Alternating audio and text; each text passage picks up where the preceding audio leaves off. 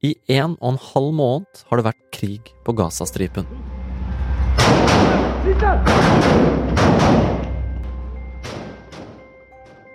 De offisielle dødstallene er i ferd med å runde 20 000, og tilgangen til mat, vann og husly er kritisk for mange. Samtidig fortsetter bombene å falle. Hello. Perhaps we haven't had a quiet moment for two or three days now. En av stemmene som har sluppet ut gjennom talemeldinger sendt på WhatsApp, er Refat Alaresh, som har vært med i Forklart tidligere.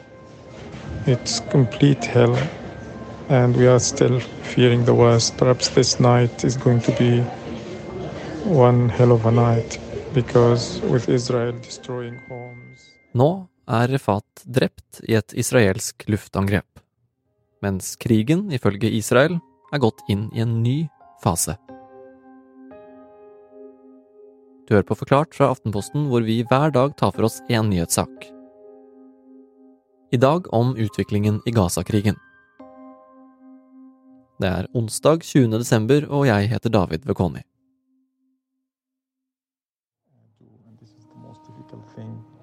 To explain to kids.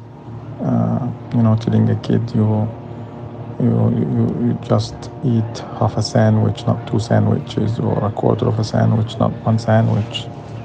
Extremely difficult uh, on parents. But when we uh, were bombed, we lost everything. Uh, my, my, my flat personally was uh, substantially damaged. Seksbarnsfaren Refat Alarer har bodd på Gazastripen hele livet. Stemmer som Refats er blitt viktige for at verdenssamfunnet skal få vite hva som skjer i Gaza, for journalister slipper nesten ikke inn. Så vår Midtøsten-korrespondent Hanne Christiansen, som er i Istanbul nå, holder jevnlig kontakt med kilder som står midt i det på Gazastripen.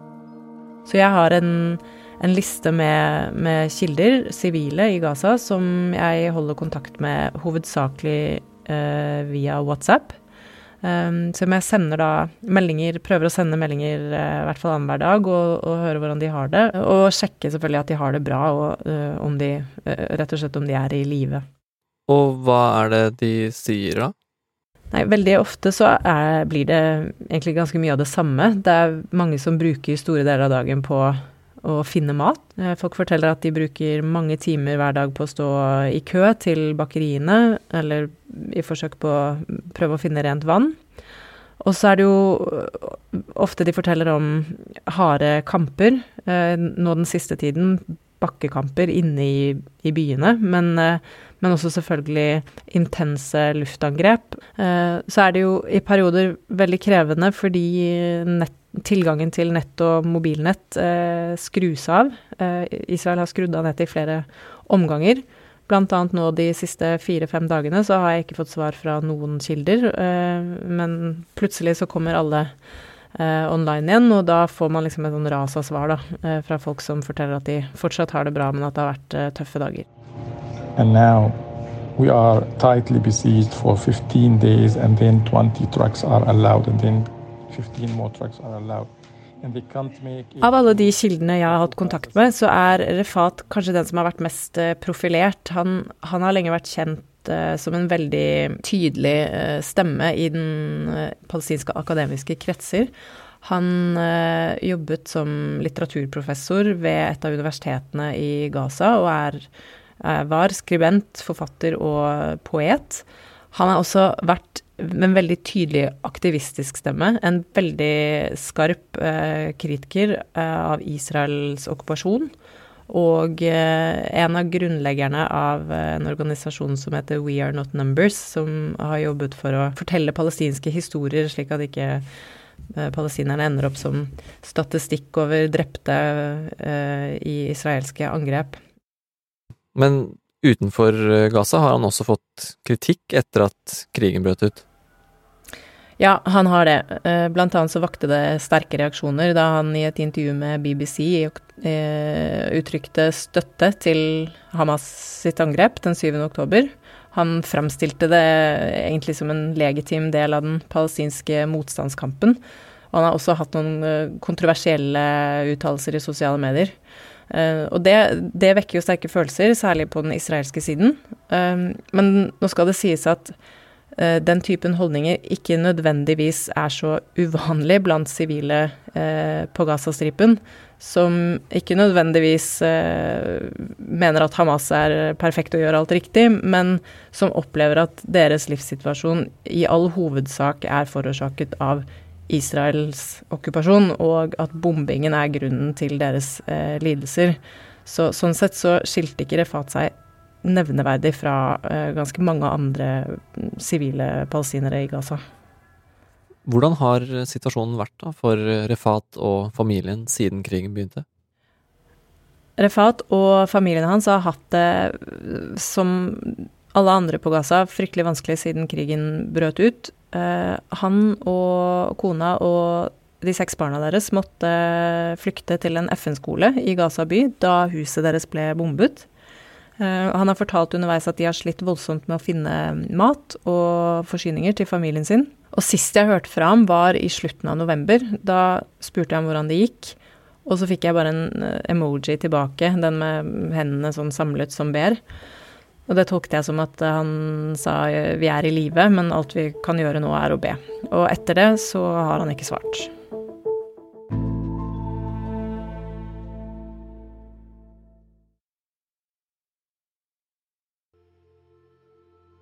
I den siste lydmeldingen Hanne fikk fra Refat, hører du krigen i bakgrunnen. Israel is constantly bombarding uh, when it's a little bit quiet where we are in Gaza City. Uh, Israel is bombing uh, nearby. You can hear the constant uh, machine guns, the artillery, the warships. There have been bombardments going on. I think you can also hear the uh, artillery in the background, maybe the, the drones. It's complete hell, and we are still fearing the worst. Perhaps this night is going to be one hell of a night because with Israel destroying homes and bombing everything, it wouldn't be easy. Onsdag 6. desember ble Refat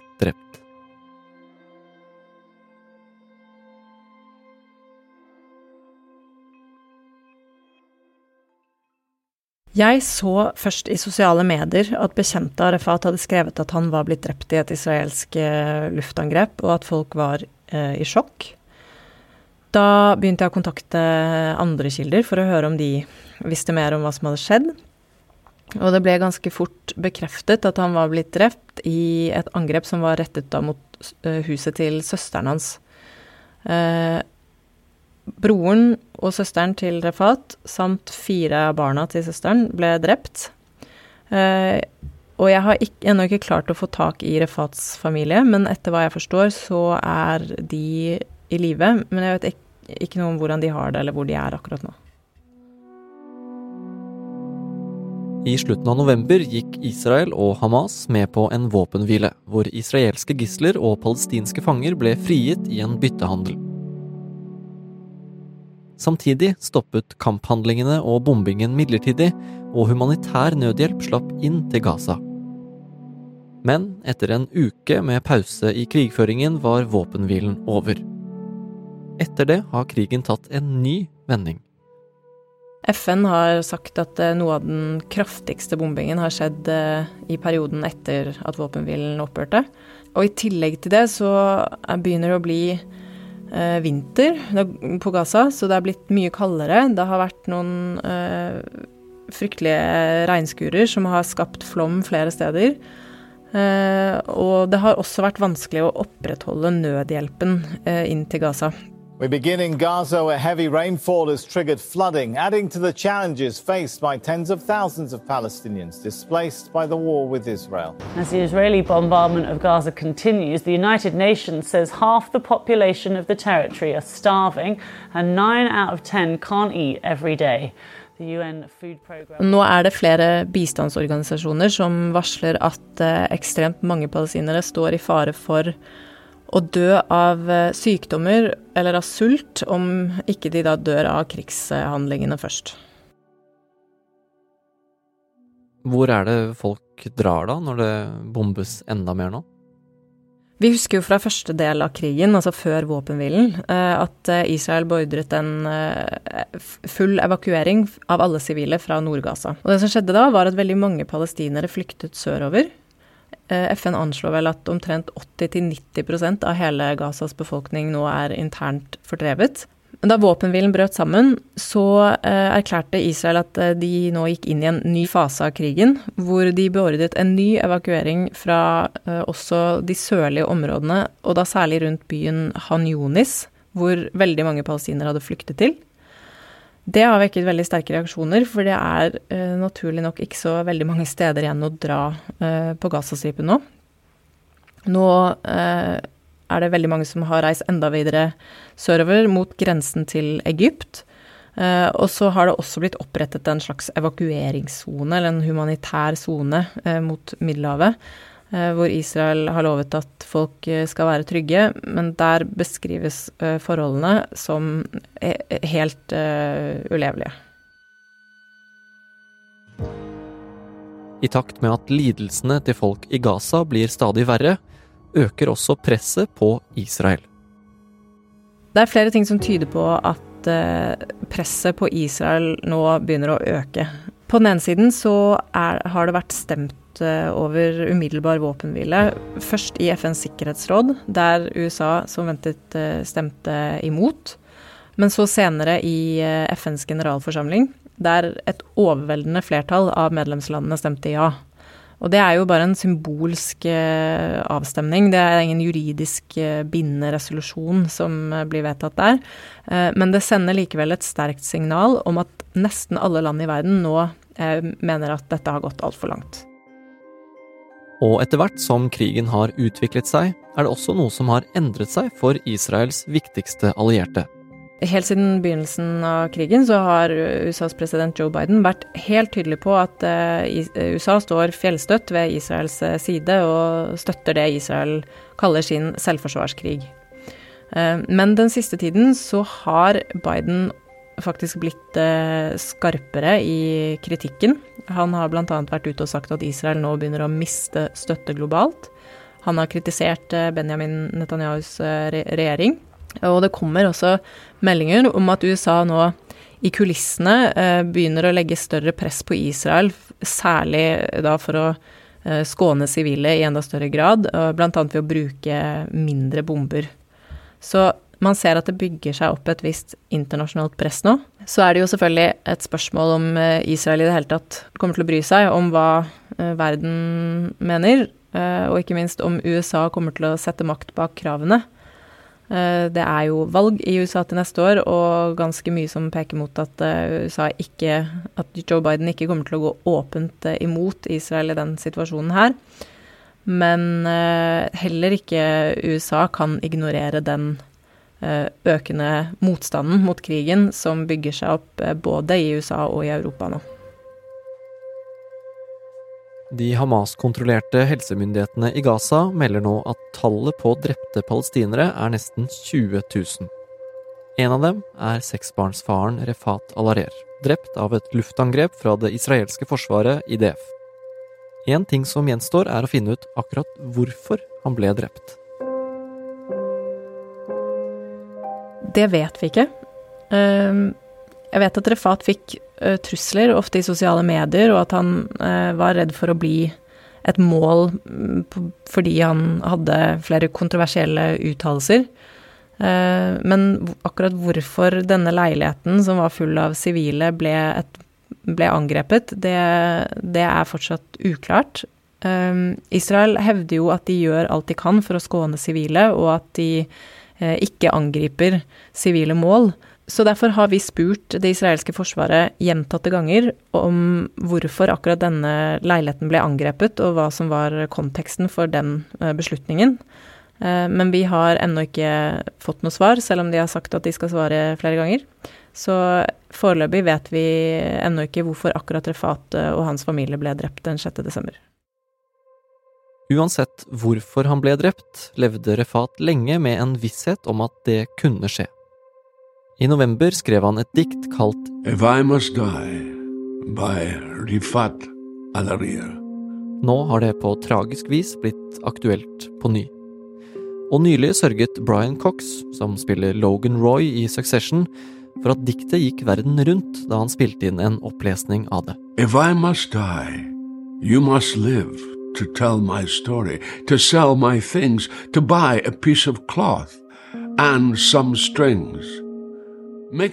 Nå som dette diktet har blitt lest av en så stor kjendis som Brian Cox og har gått viralt, så, så har jo plutselig Refats ord nådd ut til veldig mange flere mennesker over hele verden.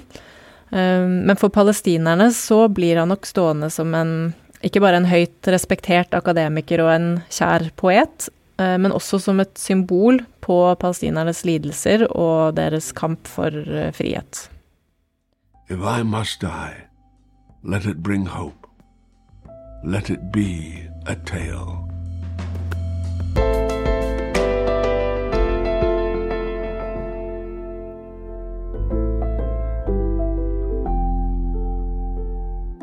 Du har hørt en podkast fra Aftenposten.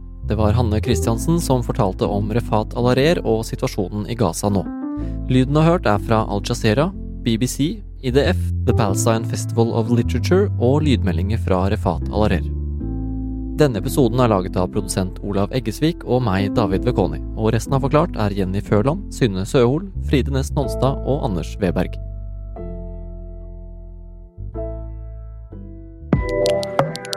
Ja. Det finnes spørsmål som ikke er så enkle å google eller chat-GPT seg fram til. Typ renta. Hvorfor må den absolutt opp, opp, opp? Finnes det ingen andre løsninger?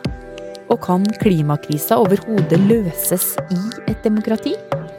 Og hvorfor straffer vi folk til fengsel selv om de ikke har gjort det med vilje? Som han vaktsjefen på fregatten Helge Ingstad. Hva er poenget? Jeg heter Marit Eriksdatter Gjelland, og i denne podkasten Dypdykk nerder jeg og kollegaene mine på tema som former tida vi lever i. Mest fordi vi bare er genuint nysgjerrige og fant ingen svar da vi googla, men også for å gi deg en helt ny innsikt og ta med til bordet neste vennepils. Sjekk ut Dypdykk i Aftenposten-appen eller hos Podme.